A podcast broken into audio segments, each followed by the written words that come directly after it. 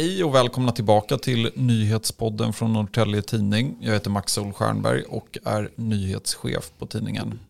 Ja, nej men den här veckan så står det klart vem som får Norrtälje Nyckel. Det blir Mikael Blom. Grattis till honom. Vi har också kunnat berätta om rockbandet Monegarm som vinner kommunens kulturpris. Men den här veckans avsnitt det kommer att handla om Kjell Jansson och Eh, ja, jag börjar med lite bakgrund om den här eh, historien. Eh, det var den 24 mars i år som vi på tidningen och för den delen även flera andra medier kunde rapportera om den invecklade utpressningshärva som riksdagsmannen Kjell Jansson dragits in i i korthet så har den här historien sin början i ett möte i fjol med en kvinna på hans stampub i Stockholm. Jag kommer inte dra hela bakgrunden, vi har talat om detaljer och den som vill lyssna i kapp kan lyssna på poddavsnitt 47. Eh, det går också att läsa i kapp på norrtäljetidning.se. Men i korthet så är det så att han och den här kvinnan de inleder någon form av kontakt och de chattar flörtigt. Den här kvinnan skickar också en lättklädd bild till honom. Eh, det är också klarlagt att den här bilden är något som han senare, i ett senare skede eh, faktiskt betalar pengar för. Eh, och det hänger samman med att han försöker avsluta eller i vart fall dra sig ur den kontakt han har med den här kvinnan. Och hon härsknar till och menar att hon inte ger bort några bilder gratis.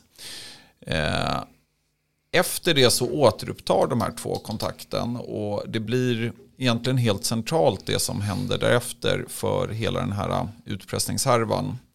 Eh, det är annandagen 26 december, de möts på nytt och de möts tillsammans med en väninna till kvinnan. Och de gör det då på den här puben. Eh, sen går de hem till Kjell Janssons övernattningslägenhet i Stockholm där de också har sex. Efter det här så väljer Kjell Jansson att föra över pengar till kvinnan. Själv menar han att det är för hennes bostadshyra och för en taxiresa. Kvinnan hävdar i sin tur att det här är för sexköp. Och det ska sägas, och det är ju väldigt viktigt att vara tydlig här. Den här saken är utredd eh, och chefsåklagare Maria Sterup i särskilda åklagarkammaren hon har slagit fast att det här är inte fråga om sexköp. Utan den sammanvägda bevisbedömningen den ger inte stöd för att de här transaktionerna är fråga om sexköp.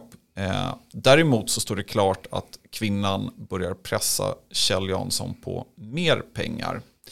Och hon förmår honom bland annat att betala en bröstförstoring eh, och den kostar 49 000 kronor. Hon lyckas också få honom att swisha fler belopp. Och Kjell Jansson har ju själv berättat i förhör med Säkerhetspolisen hur det här eh, plågar honom något enormt och han blir allt mer pressad och ja, rent av förstörd av den här situationen. Och han vänder sig då till slut, alltså den 14 februari, till just Säkerhetspolisen. Och därefter så tar en utredning vid och eh, det leder sedermera till en dom mot den här kvinnan som utpressat honom. Jag tänker att jag stannar där och släpper in gäster här. Eh, vi har i studion med oss Norrtelje Norrtälje Tidnings utgivare Carl Juborg Och så har vi med oss ledarskribent Elias Rosell. Och jag börjar med dig Carl. Varför rapporterar NT så här mycket om Kjell Jansson? Jag skulle vilja ta avstamp i eh, den frågeställning som vi faktiskt hade uppe när det här briserade, alltså när bomben kom, när det faktiskt kom uppgifter om dels den här utpressningen men också sedermera sexköpet men också den här timeouten som vi har berättat om och som eh, det redovisades i den här inledningen. Men vi ska tänka på att Kjell Jansson är utan tvekan kommunens mest kända politiker, eh, kommunens enda riksdagsledamot. Eh, vi bedömde och bedömer allmänintresset som, som enormt och Kjell syns hörs mycket, har gjort historiskt, givetvis inte lika mycket nu på senare tid, men också ett enormt nätverk ute i näringslivet. Eh, så att den bedömning, bedömningen står ju kvar även i den rapportering vi står för nu. Vi bör också redovisa hur saker och ting sker Trots att mycket är utrett kopplat till det juridiska. Vad händer med Kjell? Hur fungerar comebacken? Hur mycket syns han lokalt? Vad händer nu? Det finns en skyldighet gentemot, gentemot läsarna kopplat till att fortsätta berätta historien. Sen gäller det ju, och som jag har fått mycket frågor om nu de här senaste veckorna, men också egentligen från första saken vi tryckte kopplat till den här historien, att varför och hur mycket kan vi berätta och sådär. Det är jätteviktigt att man är inom pressetikens ramar och som jag sagt det tidigare, eh, tidigare uttalanden så jag bedömer vår redaktion som väldigt klok när det gäller pressetiska beslut och hålla oss inom ramarna. Så att jag bedömer att vår rapportering fram tills nu när vi sitter här är, är liksom fullt rimlig.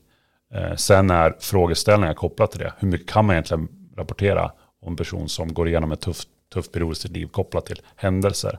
Ja, absolut, det kan man diskutera. Däremot så tycker jag politiker och folkvalda ska tåla en annan typ av granskning rent generellt. Och eh, för att summera min lilla utläggning här så är jag väldigt trygg i det rapportering vi har stått för och det som det arbetet som redaktionen har stått för och det som arbetsledarna här har stått för.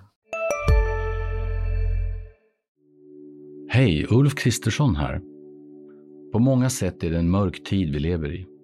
Men nu tar vi ett stort steg för att göra Sverige till en tryggare och säkrare plats.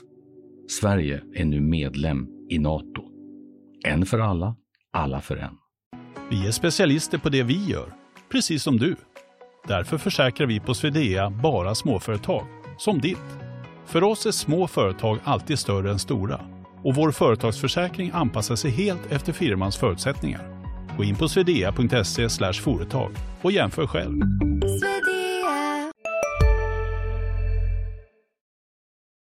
Men jag tänker Kjell Jansson, han är ju faktiskt ett offer korrekt, eh, korrekt. för utpressningar. Eh, och vi berättar ju väldigt ingående om både en känslig period i hans liv och sen också det absolut högst privata eh, här på nyhetsplats. Eh, varför? När vi, den här stor, historien kom till oss så fick vi ju väldigt snabbt klart för oss när vi fick de handlingarna till oss som vi faktiskt fick. Eh, att Eh, det är bekanta, privata och eh, detaljer som eh, möjligen en lokaltidning kanske inte alltid har publicerat historiskt eller de besluten kanske har valts bort, vad vet jag. Däremot så tror jag och många andra utgivarkollegor till mig ute i branschen har resonerat liknande. Att det finns inte på så många andra sätt att rapportera på än att liksom vara fullt transparent med vad som faktiskt hände. De måste också vara linan ut. Men det är klart att det är inga enkla utgivarbeslut det här. Det är rätt tuffa utgivarbeslut. Det är ganska mycket diskussioner internt. Eh, och alla utgivarbeslut kopplat till detaljer eller granskning av, av den här typen kräver rätt mycket diskussion. Dels i mitt huvud men också liksom på redaktionen. Så att, eh, eftersom varje beslut lever sitt eget liv och alla enskilda så har det såklart inte varit eh, enkelt alla gånger men beslut ska tas och eh, som jag sa tidigare det finns en trygghet i det vi har, det vi har rapporterat. Uh, sen får du gärna ställa en följdfråga. Om du inte är nöjd med svaret så kan jag leverera mer mm. detaljer. Men det är i alla fall min bedömning. Liksom. Att det finns ett sätt att rapportera och det är att vara, vara uh, relativt transparent med de detaljerna faktiskt framkom kopplat till just hans roll. Men också det vi har vidrört i våra frågeställningar, omdömet. Alltså vad har man för roll? Det finns ett omdöme man måste ta ställning till. Man är folkvald och så vidare. Mm. Eller han är folkvald rättare sagt. Nej, men alltså jag skulle väl egentligen bara vilja tillägga att det finns ju eh, lägen där man eh, ja, men, eh, riktar kritik mot media. Man jämför olika Eh, fall med varandra. Och, och, det som är väldigt viktigt att komma ihåg här och skälet till att det är fortsatt är en ingående bevakning av Kjell Jansson det är ju också att han har gjort comeback och gör anspråk på, ja men han, han har kommit tillbaka och, och, och tar sin riksdagsplats helt enkelt. Eh, och, och, där när man, ja, det finns ett fall i Västerås till exempel där eh, det var en väldigt ingående bevakning av en politiker och där medier valde att göra lite olika när personen i fråga valde att lämna det politiska.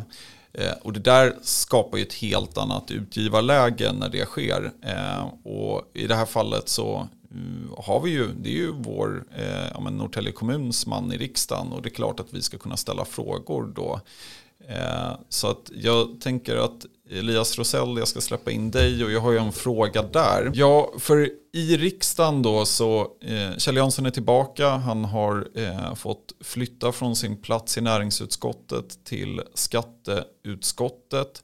Men vi har ju faktiskt försökt för, eh, få svar från ledande personer inom Moderaterna hur de ser på Kjell Janssons återkomst. Eh, och det ska sägas att vi har ringt rätt ordentligt eh, bland annat i riksdagsgruppen eh, och till högsta partiledningen. Eh, men alla hänvisar tillbaka till ett skriftligt uttalande från partisekreteraren Karin Enström. Sen har vi också ringt lokalt och pratat med Norrtäljes, eh, Norrtälje kommuns styrelseordförande Bino Drummond. Jag tänker, vad är din analys av den här tystnaden vi möter? Ja, jag tänker dels att det från Moderaternas håll finns en önskan om att den här frågan ska blåsa över så att säga. Det, det är ju inte en positiv sak för deras del att, eh, att, att detta uppmärksammas så pass mycket. Eh, sen, sen, tror jag också bara att det kan vara så enkelt att det är en jobbig fråga för, för till exempel riksdagsledamöter att uttala sig. Kjell är ju liksom en, en nära kollega till många eh, och hi, historien är ja, knivig. Eh, ja, då, då kan det vara ganska bekvämt att hänvisa till partisekreteraren. Sen så tror jag också att det finns en sån gång i partier att det är, det är en person som kommunicerar för partiet. Och då, då, då blir det tydligare om, om inte fler röster hörs. Så jag tror det är en kombination av de anledningarna. Mm. Jag tänker om vi tittar på det lilla som kommit ut från partiet på centralt håll. Det, det ska ju sägas att en del partikollegor har ju faktiskt gratulerat Kjell Jansson öppet eh, till hans återkomst. Eh, men om man tittar på centralt håll eh, så är det ju alltså Karin Enström som är partisekreterare. Och hon har inte velat göra en vanlig intervju.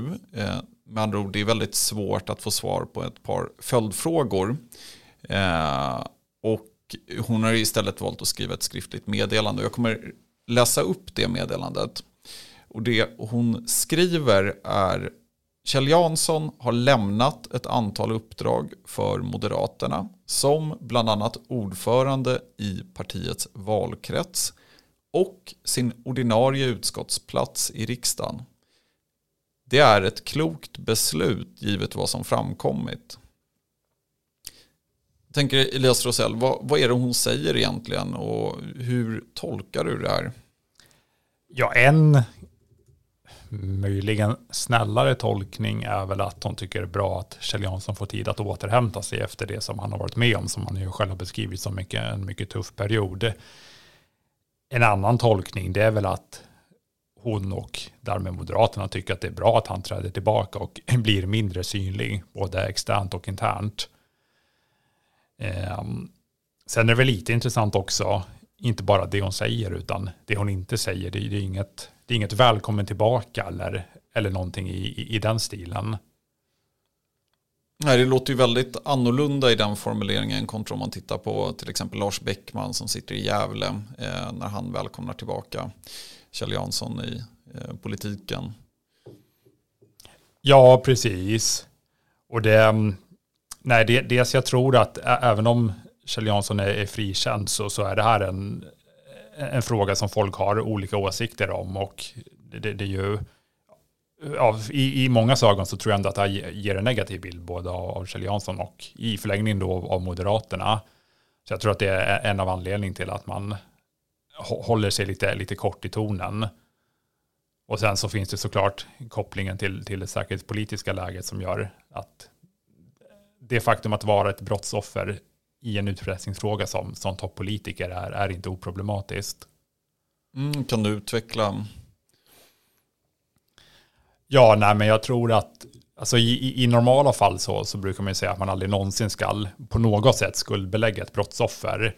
Men, men jag tror just mot bakgrund av eh, hela det politiska läget det senaste året att, att den moderatledda regeringen håller på att eh, försöka ta in Sverige i NATO, att eh, säkerhetspolitiska frågor är väldigt viktiga för väljarna, så, så är det ju inte, det är inte positivt att en av ens egna riksdagsledamöter då har, ut, har utsatt sig eller har hamnat i en situation där man blivit föremål för utpressning, även om det ska också sägas att av allt som har kommit fram så utpressningen handlar ju bara om pengar och inte på något sätt om känslig information eller så. Men, men jag tror likväl att bara det faktum att man har hamnat i den situationen är, är ett problem mot den här bakgrunden. Mm. Och ja, det ska ju sägas, han var ju ordförande för partiets valberedning så te teoretiskt sett så skulle han kunna utse eh, Sveriges nya statsminister om Ulf Kristersson skulle ha andra planer exempelvis. Mm. Eh, men jag tänker hans riksdagsplats om man tittar på regeringssamarbetet, vilken betydelse har, eh, har den och hans mandat? Ja, den har en stor betydelse. Om, man ska bara ta en jättekort bakgrund så det krävs ju 175 platser för att ha majoritet i, eh, i, i riksdagen. Eh, Ulf Kristerssons regeringsunderlag bestående av det vi brukar kalla de, de, de fyra partierna till höger fick ju 176 mandat efter valet. Uh, därefter så har ju Elsa Widding, Sverigedemokraten, hoppat av partiet och är ju politiskt vilde. Så, så nu har man ju precis 175 mandat så att varje, var, var, varje plats, varje riksdagsledamot är ju superviktig på det sättet. Mm.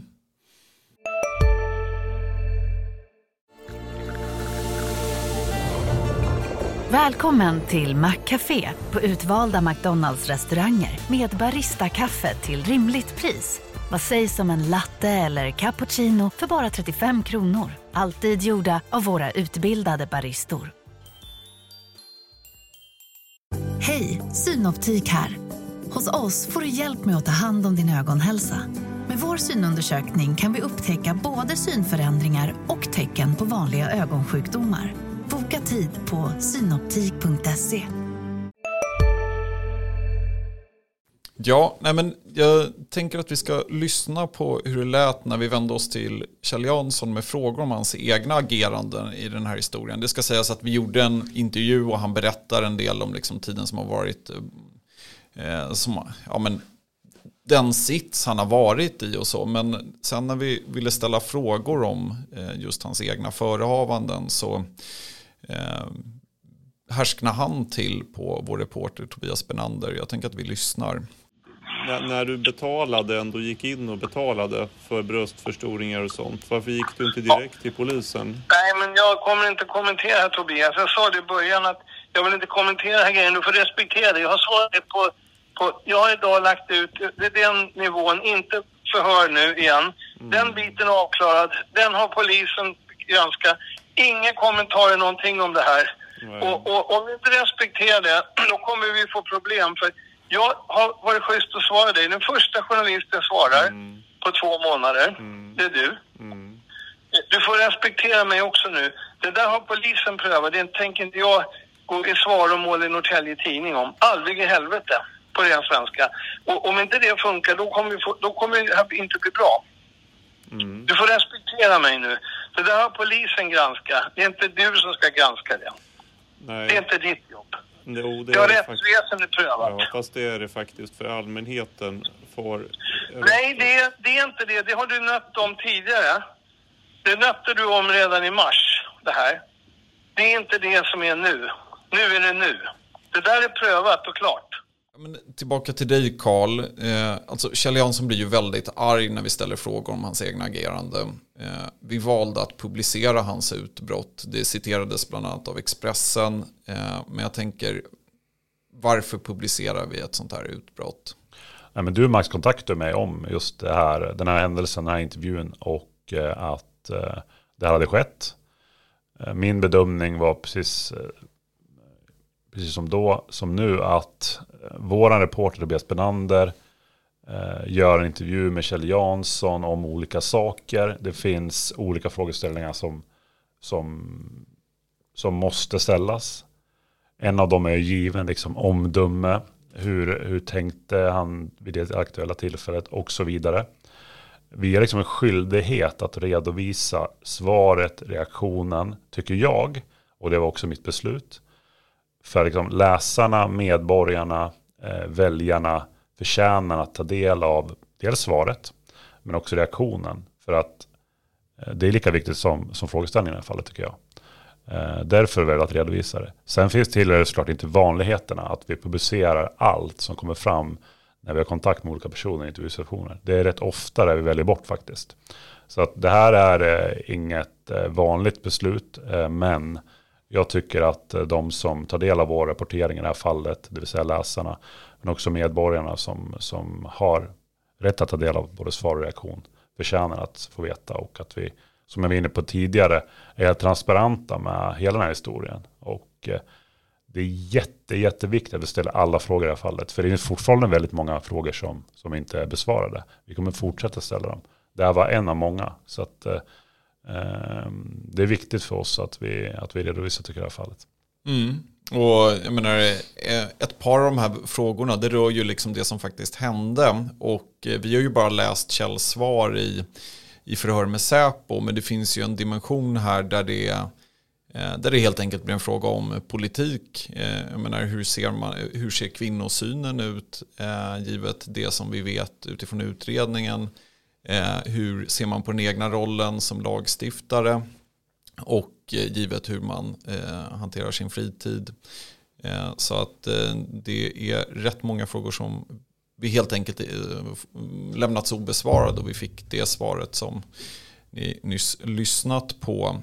Eh, men jag tänker att vi kommer fortsätta rapportera om den här saken. Vi kommer fortsätta söka Moderaterna. Jag hoppas att ni på Moderaterna lyssnar och hör av er och berättar mer om hur ni ser nu på Kjell Janssons återkomst. Och för den delen Kjell Jansson är ju naturligtvis eh, eh välkommen att höra av sig för en längre intervju om den här historien. Och till er som lyssnar, tryck på följa-knappen i den app ni lyssnar i och se till att höra av er med nyhetstips eller förslag på det vi borde ha med här i podden. Stort tack för att ni lyssnar.